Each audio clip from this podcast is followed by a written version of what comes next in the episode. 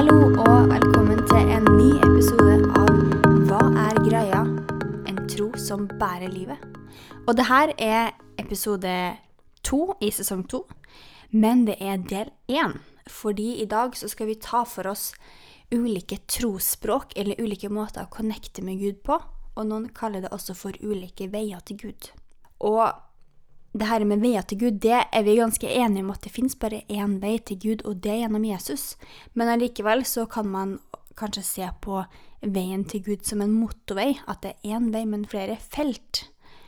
Og det skal vi se nærmere på i dag. Og det er altså meg, Lill Katrin, og meg, Hanna, som lager denne podkasten sammen. Og vi håper at dere lytter og lærer noe nytt kanskje i dag. Ja, det håper vi. Og så er det jo sånn at i dag så gjør vi noe som vi ikke har gjort før. Dette er jo, Vi har delt episoden i to før, men det som er nytt i dag, er at uh, den første episoden nå så kommer vi til å presentere disse ulike uh, ja, motorfeltene, holdt jeg på å si, til Gud. Og i del to så vil dere få lov til å møte Rebekka, som vi har hatt et intervju med. Og så vil dere få lov til å høre litt tanker rundt uh, rundt disse her ulike måtene å connecte med Gud på, da. Mm. Mm. Så det tror vi blir veldig bra. Og så er det jo sånn, Hanna, at vi bruker å ha litt sånn fun fact om oss sjøl. Men i dag så tenkte vi at vi kunne snakke om noe litt annet. Og det var det her med at vi er jo litt forskjellige, jeg og du også. Det er ikke bare vår eh, vei til Gud eller vår måte å connecte med Gud på som kan være forskjellig. Men jeg og du, vi lever livene våre litt forskjellig. Og da tenker jeg spesielt på det her med studiet. For jeg og du, vi har liksom lagt opp dagene våre veldig ulikt. Kan ikke du fortelle litt om din dag? Jo, eh, jeg prøver å være på skolen til ni. Og så har jeg liksom tenkt at mellom ni og fem så skal jeg helst prøve å få gjort skole.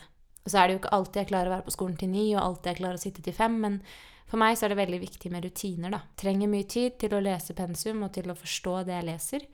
Så da har dette her med å ha litt sånne strenge rutiner for meg sjøl vært veldig viktig, da. Og så når jeg da kommer hjem, så er det på en måte helt fri. Så jeg har alltid kvelden min helt av, og da er det uavhengig av om det har vært en effektiv og god lesedag, eller om det har vært eh, ja, gått litt trått, da, og vært vanskelig. Ja. Mm. Og du da, Linn Katrin?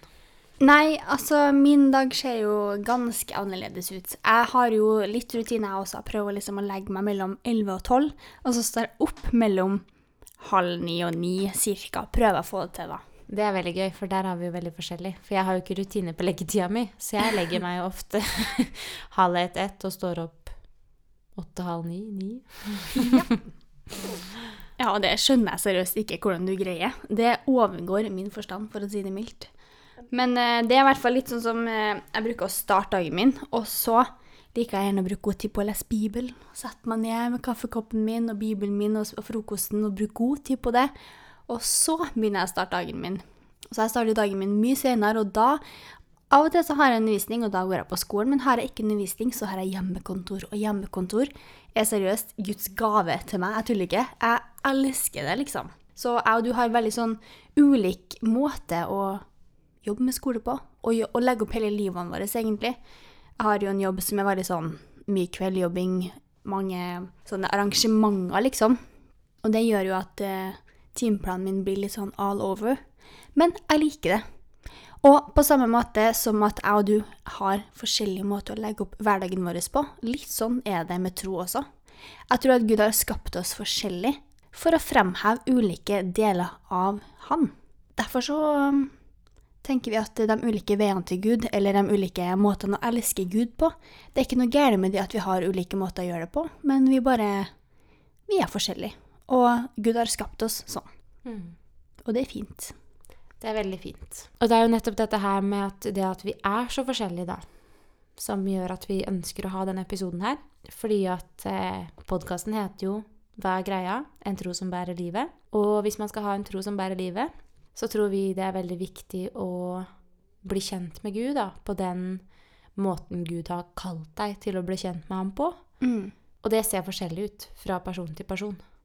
Ja. Og da tar vi opp disse her ulike feltene på motorveien, da, eller disse ulike veiene til Gud, nettopp fordi at det skal være med på å sette fri. Det skal ikke være med på å sette deg inn i en bås, men det skal være med på å sette deg fri fra tanker da, om at du kanskje må være lik alle andre i ditt trosuttrykk. Hvis ikke så er du feil, eller Ja, det er så mye som kan oppstå da, når man ikke er klar over disse veiene, tenker jeg da.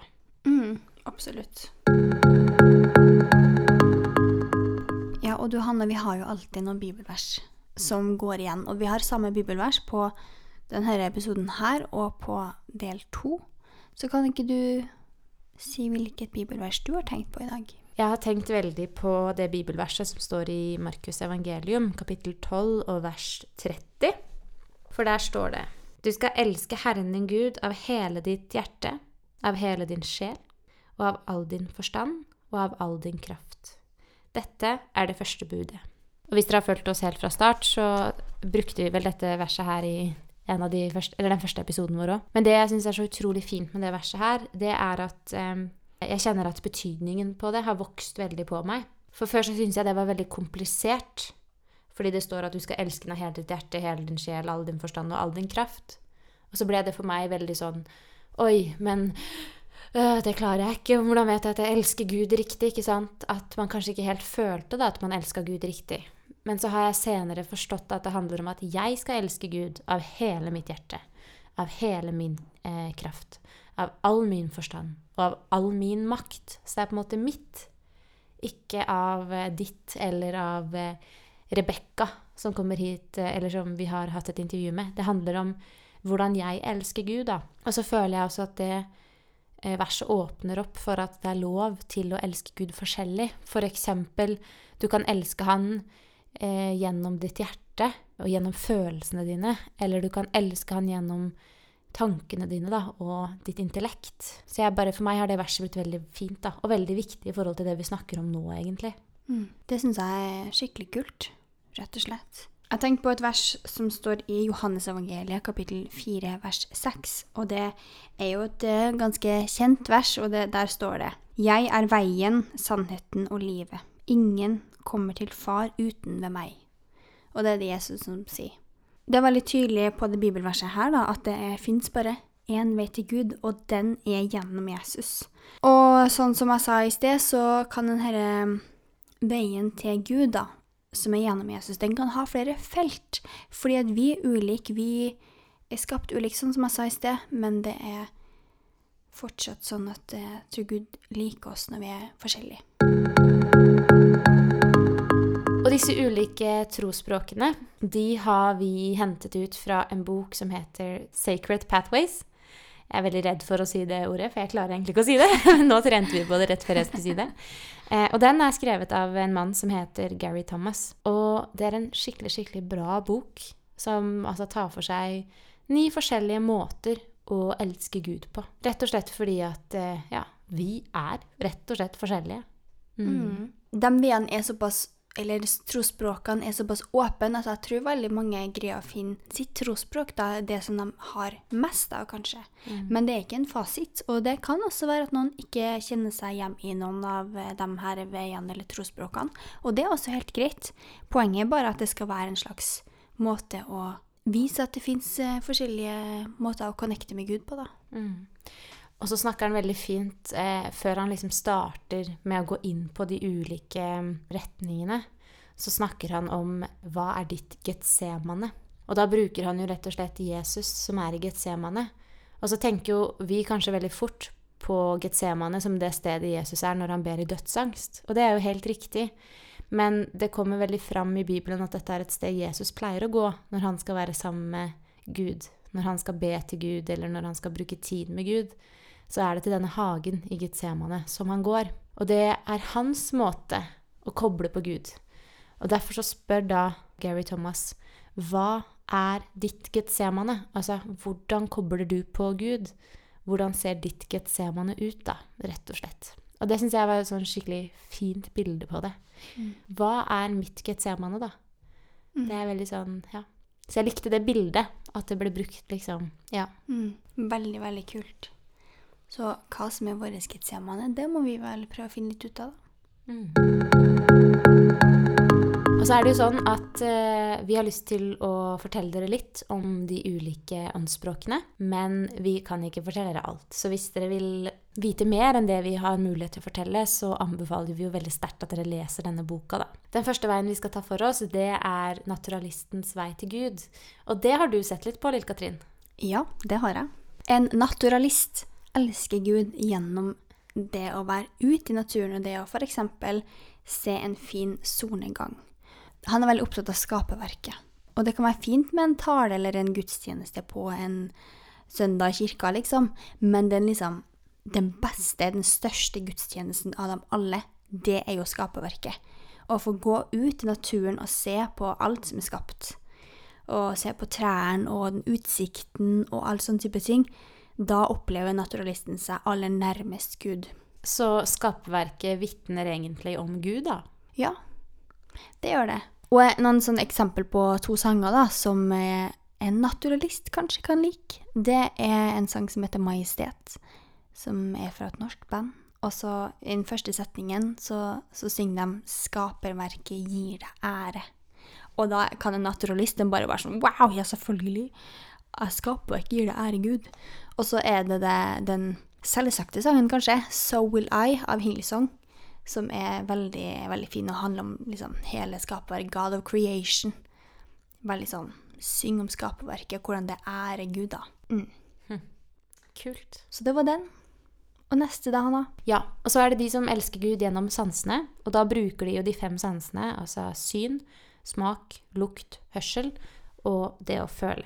Og synet er f.eks. ansvarlig for en tredjedel, tror jeg, av det vi tilnærmer oss i løpet av en dag.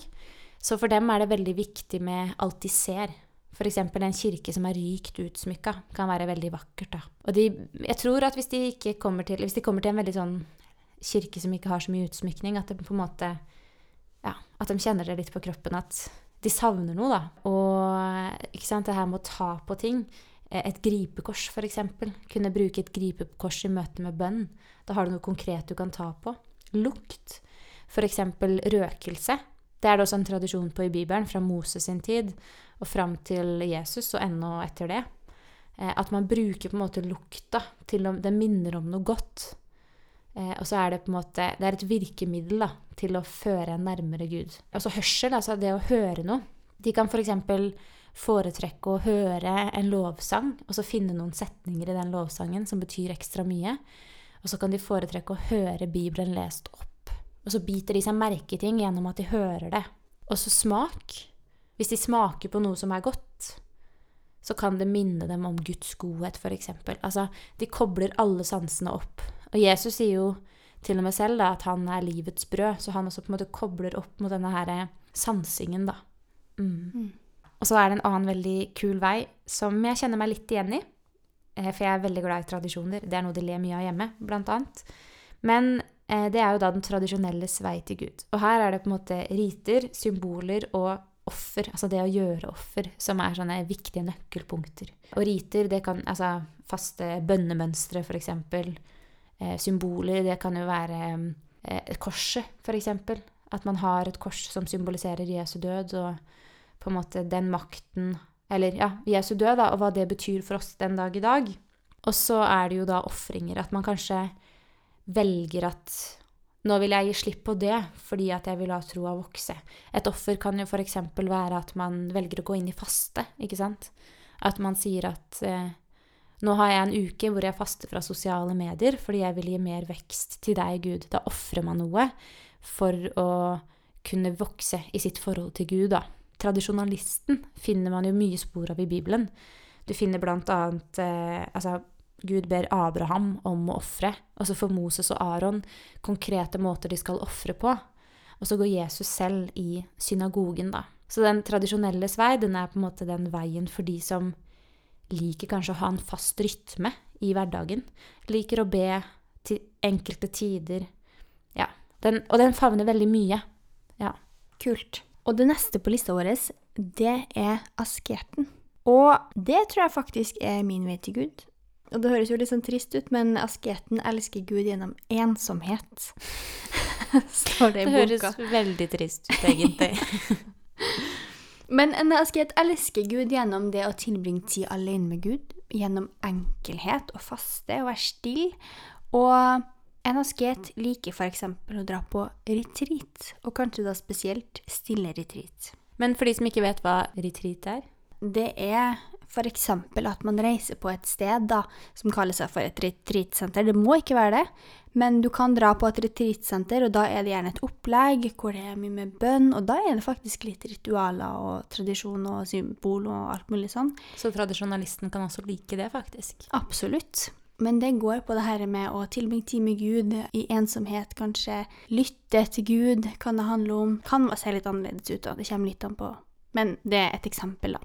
Det som overraska meg litt når jeg leste om denne asketen, det er at asketen er også veldig glad i det å jobbe. Det er ikke bare stillheten og sånn og enkelheten jeg liker, men jeg liker også jobbinga.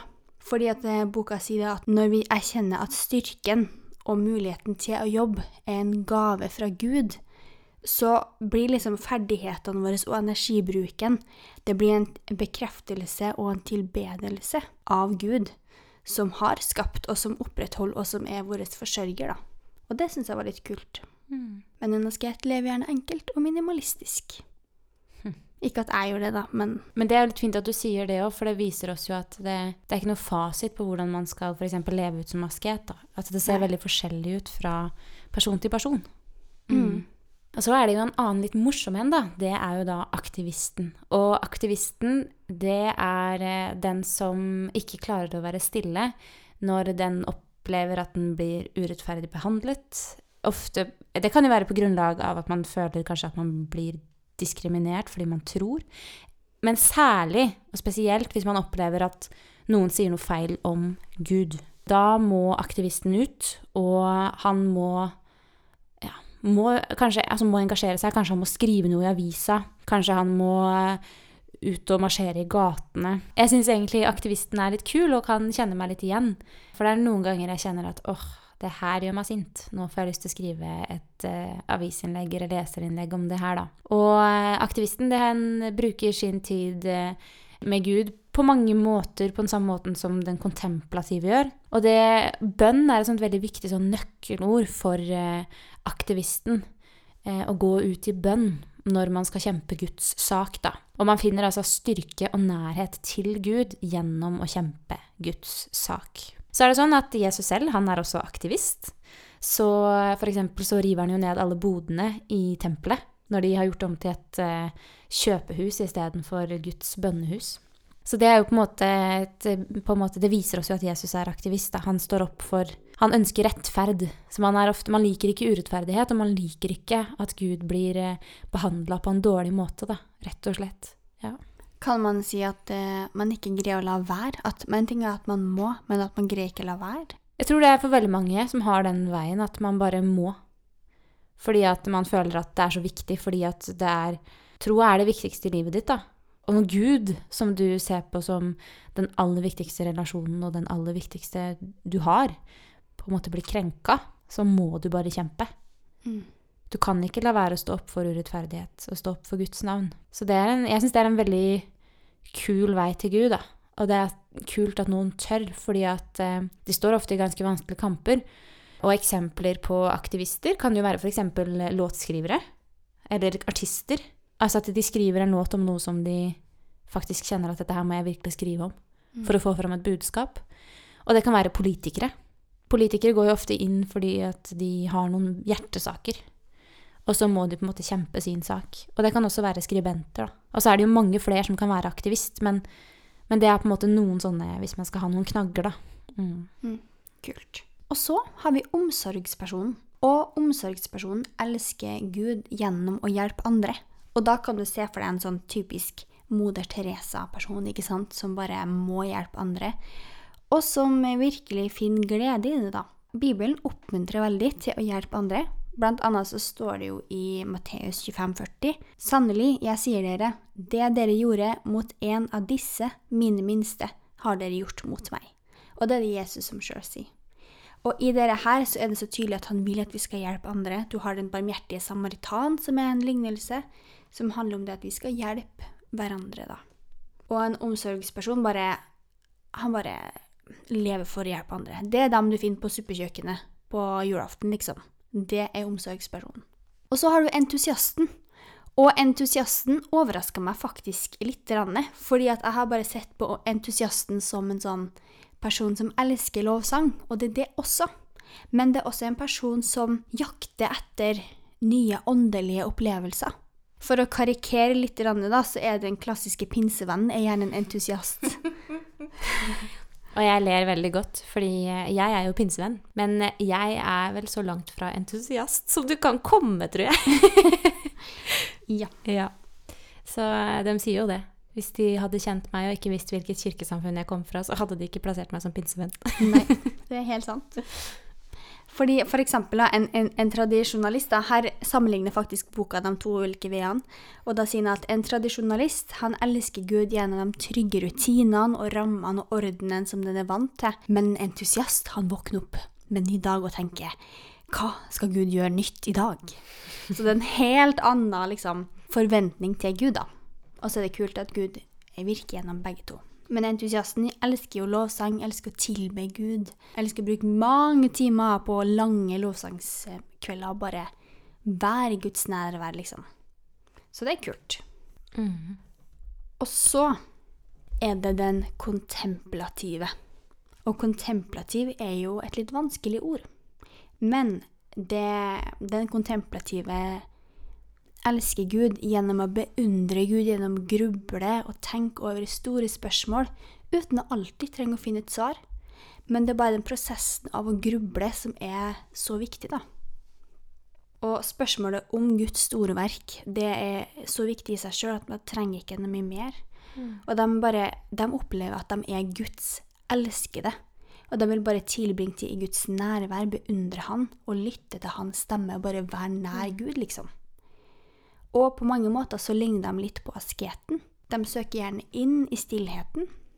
Og de er også sånne personer som gir gaver anonymt, f.eks. Mm. Det kan f.eks. være å gi en tørketrommel helt anonymt, og bare la den dette på døra til noen uten at det, mm. det er egentlig noen forklaring på hvorfor eller hvordan. Eller det kan være å gi en pengegave til menigheten, helt anonymt. Og så kan de like å ha f.eks. en bønnedagbok, og like å skrive ned og snakke med Gud gjennom det, da. Mm. Hvordan vil du beskrive den kontemplative? Er det en tenker? Er det en som, altså en som stiller spørsmålstegn, liksom? Ja, men kanskje mer at man grubler da, enn mm. å stille spørsmålstegn. Jeg vil kanskje si at den intellektuelle er mer opptatt av å stille spørsmålstegn enn kontemplative. At det er mer den prosessen å gruble og gå inn i sitt indre som er den kontemplatives eh, måte å elske Gud på, da. Ja. Og så Det leder oss jo inn på den siste. Ja. Og det er jo den intellektuelles vei til Gud. Eh, og den intellektuelle er jo da Altså intellekt, altså det handler jo om tanker, om på en måte å elske Gud gjennom fornuft, da. Og gjennom eh, å bruke sin hjerne til å tenke. Og det handler ikke om IQ. Så man kan være en intellektuell uten å ha, på en måte være super, super, supersmart. Og da er det igjen tilbake til dette verset ikke sant, i Markusevangeliet, kapittel 12, vers 30, hvor det da handler om å elske Gud av all sin forstand, da. At det åpnes opp for at det er helt greit å elske Gud av all sin forstand og av hele sin sjel. Og det er jo å stille Altså å få lov til å kanskje lese i Bibelen, kanskje studere. Eh, studere teologi, kanskje. Altså få lov til å studere og tilegne seg kunnskap. Og bli kjent med Gud gjennom den kunnskapen man tilegner seg, da. At eh, ja, kanskje trenger man å lese noen pensumbøker om, som stiller fram ulike teorier om, eh, om en bibeltekst. Fordi at man opplever at oi, nå blir teksten levende. Nå kommer jeg bak liksom bare ordene. Nå får jeg se hvordan det var i samfunnet. Altså, ja, til, altså tilnærme seg Gud gjennom kunnskap til Gud, da, rett og slett, er på en måte den intellektuelles vei til Gud. Og så tror jeg også, som du sier, at eh, for noen så ser det ut som at man stiller en del spørsmål, og man må få lov til å tenke. Det er kanskje en litt filosofisk vei. Men så tror jeg heller ikke at man må være veldig filosofisk for å kjenne seg igjen i veien heller, da. Mm. For jeg tror det handler bare om ja, å få lov til å tenke, og få lov til å liksom bruke hjernekapasiteten, rett og slett. Mm. Mm. Og her kjenner jo både jeg og du oss igjen. Mm.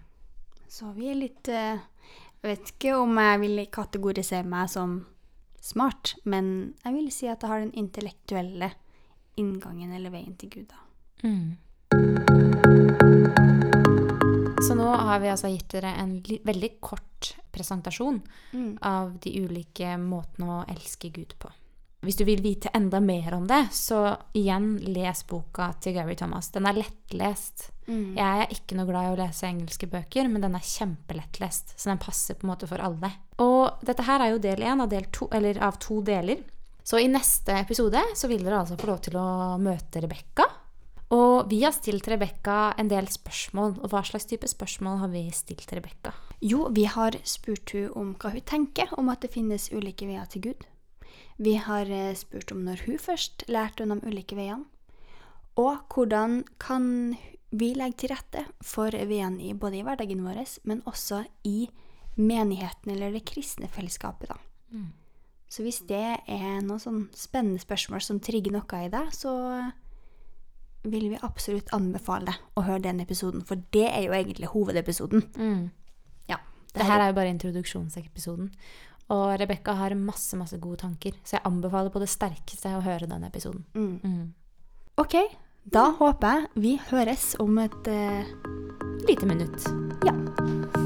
Ha det bra.